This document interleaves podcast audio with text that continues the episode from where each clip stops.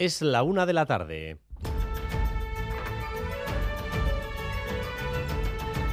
Crónica de Euskadi con Dani Álvarez.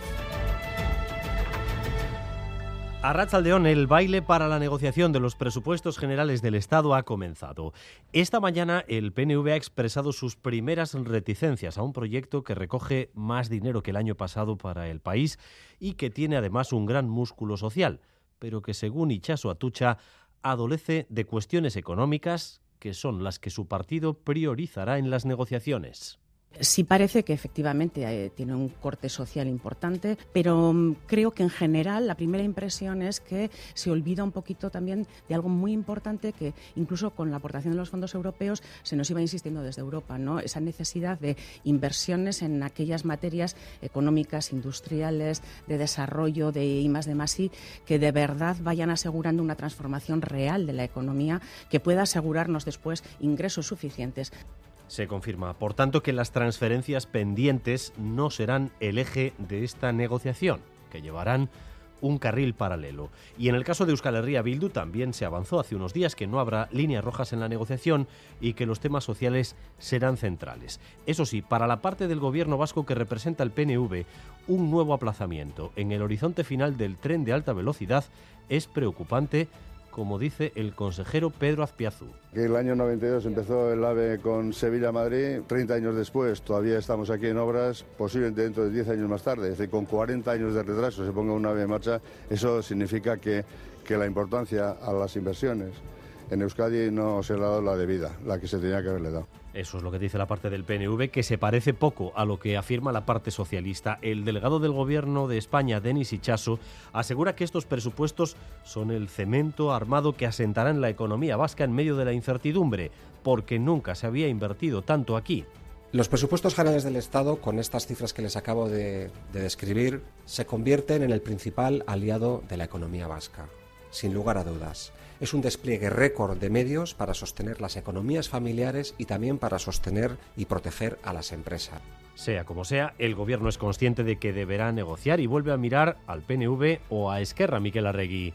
Sí, el día después de la llegada de los presupuestos al Congreso, todas las miradas están puestas ya en lo que pasará de aquí y hasta el próximo 27 de octubre, día en el que las cuentas pasarán su primer y más importante examen en la Cámara, la votación de las enmiendas a la totalidad. El Gobierno quiere contar con el el apoyo de los grupos que han venido siendo sus aliados, Esquerra, PNV y EH Bildu, y se abre a escuchar sus propuestas. María Jesús Montero decía que ahora toca hablar de partidas, pero son varios los grupos que quieren llevar la negociación a cuestiones legislativas pendientes, como por ejemplo la derogación de la ley Mordaza. En Barcelona faltan horas para saber si se rompe o no la Generalitat pero haya el resultado que haya, parece inevitable que se acabe rompiendo Junts. El artefacto político ideado por Puigdemont se debate en una votación muy concurrida entre seguir a su inspirador o no seguirle. Si votan continuar en el gobierno, se confirmaría el declive político definitivo del presidente en el exilio. Barcelona, Nerea Sarriegui. Sí, horas decisivas para el futuro del gobierno y también para el de Junts per Cataluña. A las 12, el 73% de los militantes había respondido ya si quieren que su partido continúe o no en el Ejecutivo. El plazo para votar termina a las 5, pocos minutos después. Conoceremos el resultado y la sensación, asegura Jaume Giró, conseller de Economía, es que los militantes optarán por seguir. Sea cual sea el resultado, lo que está claro es que Junts podría partirse abriendo la puerta a una importante crisis interna. Comunidades autónomas como Cataluña recomiendan a madres y padres que los niños no tengan acceso a pantallas hasta los 3 años y que no tengan móvil hasta los 12. Este es un debate que existe en todas las casas en la que hay pequeños. Natalia Serrano, los expertos que hemos consultado son algo más flexibles. Coinciden sí en que antes de los tres años nada de pantallas, mejor un cuento, y piden coherencia a padres y madres para que ellos tampoco hagan uso abusivo de esas pantallas junto a hijos e hijas. Sobre el uso del móvil, aquí más flexibles, lo ideal sería, dicen, el paso a la ESO a los 12 años, pero lo realista a partir de los 10 años más, cuando siguiendo el mismo criterio de coherencia, desde primaria están usando pantallas en las aulas. Sobre el tiempo de uso, también más flexibles, se recomienda, como en alimentación, una dieta variada de actividades de ocio. Salir, jugar, hacer deporte limita el uso de las pantallas más que las prohibiciones. En Pamplona hoy hemos sabido que una mujer de 93 años falleció hace unos días tras sufrir una caída con su silla de ruedas en el interior de una villavesa. La policía municipal está investigando lo ocurrido. Olatz Balda, cuéntanos. El suceso se producía en la línea 4 de transporte urbano comarcal de Pamplona el 25 de septiembre. Al incorporarse a la avenida Conde de Oliveto, tras dejar atrás un semáforo en rojo y con una velocidad de 14 kilómetros por hora, la silla volcaba en el interior del autobús, produciendo daños graves a la usuaria, según han informado desde la propia empresa de transportes. La mujer fue trasladada al Hospital Universitario de Navarra, lugar donde fallecía al día siguiente. La policía municipal se encuentra investigando los hechos. Desconoce si la usuaria llevaba el cinturón de seguridad puesto, pero hay que tener en cuenta que esta medida es recomendable, pero no obligatoria. El Premio Nobel de la Paz ha puesto su mirada este 2022 en la guerra de Ucrania, Rusia y su vecina Bielorrusia. En el año en el que la guerra ha vuelto a Europa, el Comité Noruego ha decidido que el galardón sea compartido por dos organizaciones de derechos humanos y un activista bielorruso, Óscar Pérez Arrachaldeón. Arrachaldeón está claro que la guerra de Ucrania y la invasión de Rusia son los protagonistas del año para el Nobel de la Paz. Premia de esta manera una organización ucraniana, el Centro para las Libertades Civiles, que se dedica a documentar los excesos del ejército ruso en la invasión. La otra organización es la rusa Memorial. Se ha dedicado a documentar también los abusos cometidos, sobre todo en los años de la Unión Soviética, y en diciembre pasado Moscú la obligó a cerrar. Y junto a las dos organizaciones, tercer premiado, el activista bielorruso Alex Bialyatsky, opositor al régimen de Lukashenko, ha pasado años en la cárcel, ahora mismo está detenido a la espera de juicio. El comité ha explicado el premio compartido por estas razones.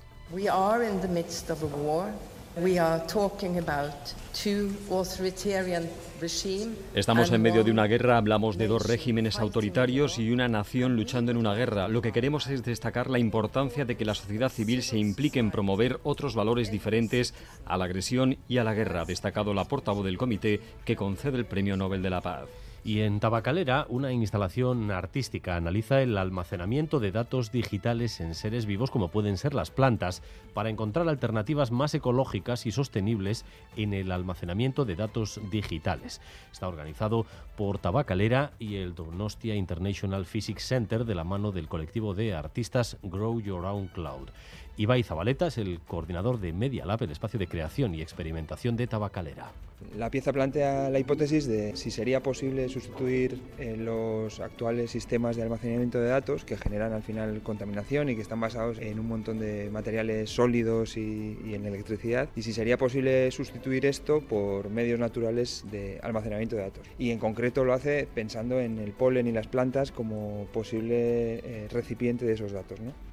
Vamos también con lo más destacado del deporte con Álvaro Fernández Cadierno. Arracha León. Arracha León con pelota y con eh, fútbol. En Villabona arranca esta noche el campeonato del 4 y medio. Allí se van a enfrentar Daniel Lezcano y Iñaki Artola. Y en el Sadar a las 9 Osasuna Sevilla. Los rojillos recuperan al Chimi Ávila. Pierden a David García por sanción. Y en cuanto al tiempo de cara a las próximas horas, vamos a tener un cambio en la dirección del viento que nos va a traer nubes, especialmente en la costa y en zonas del norte de Navarra y en los Pirineos. Nubes que podrían dejar algún que otro chubasco, que será en todo caso de carácter eh, puntual. Así que en la mayor parte del país continuaremos eh, con sol. 22 grados de temperatura en Pamplona, en Vitoria-Gasteiz, en Bayona, 21 grados en Bilbao, 20 en Donostia. Y ahora mismo en el tráfico, atención, en la avanzada, en el túnel de Leyoa, sentido que he hecho, porque un vehículo averiado ocupa parte del carril derecho. Vizcaya 637, túnel de Leyoa, sentido que hecho problemas por un coche que está averiado y que ocupa un eh, carril.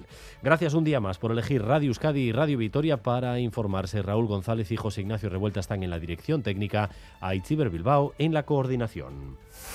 Crónica de Euskadi con Dani Álvarez.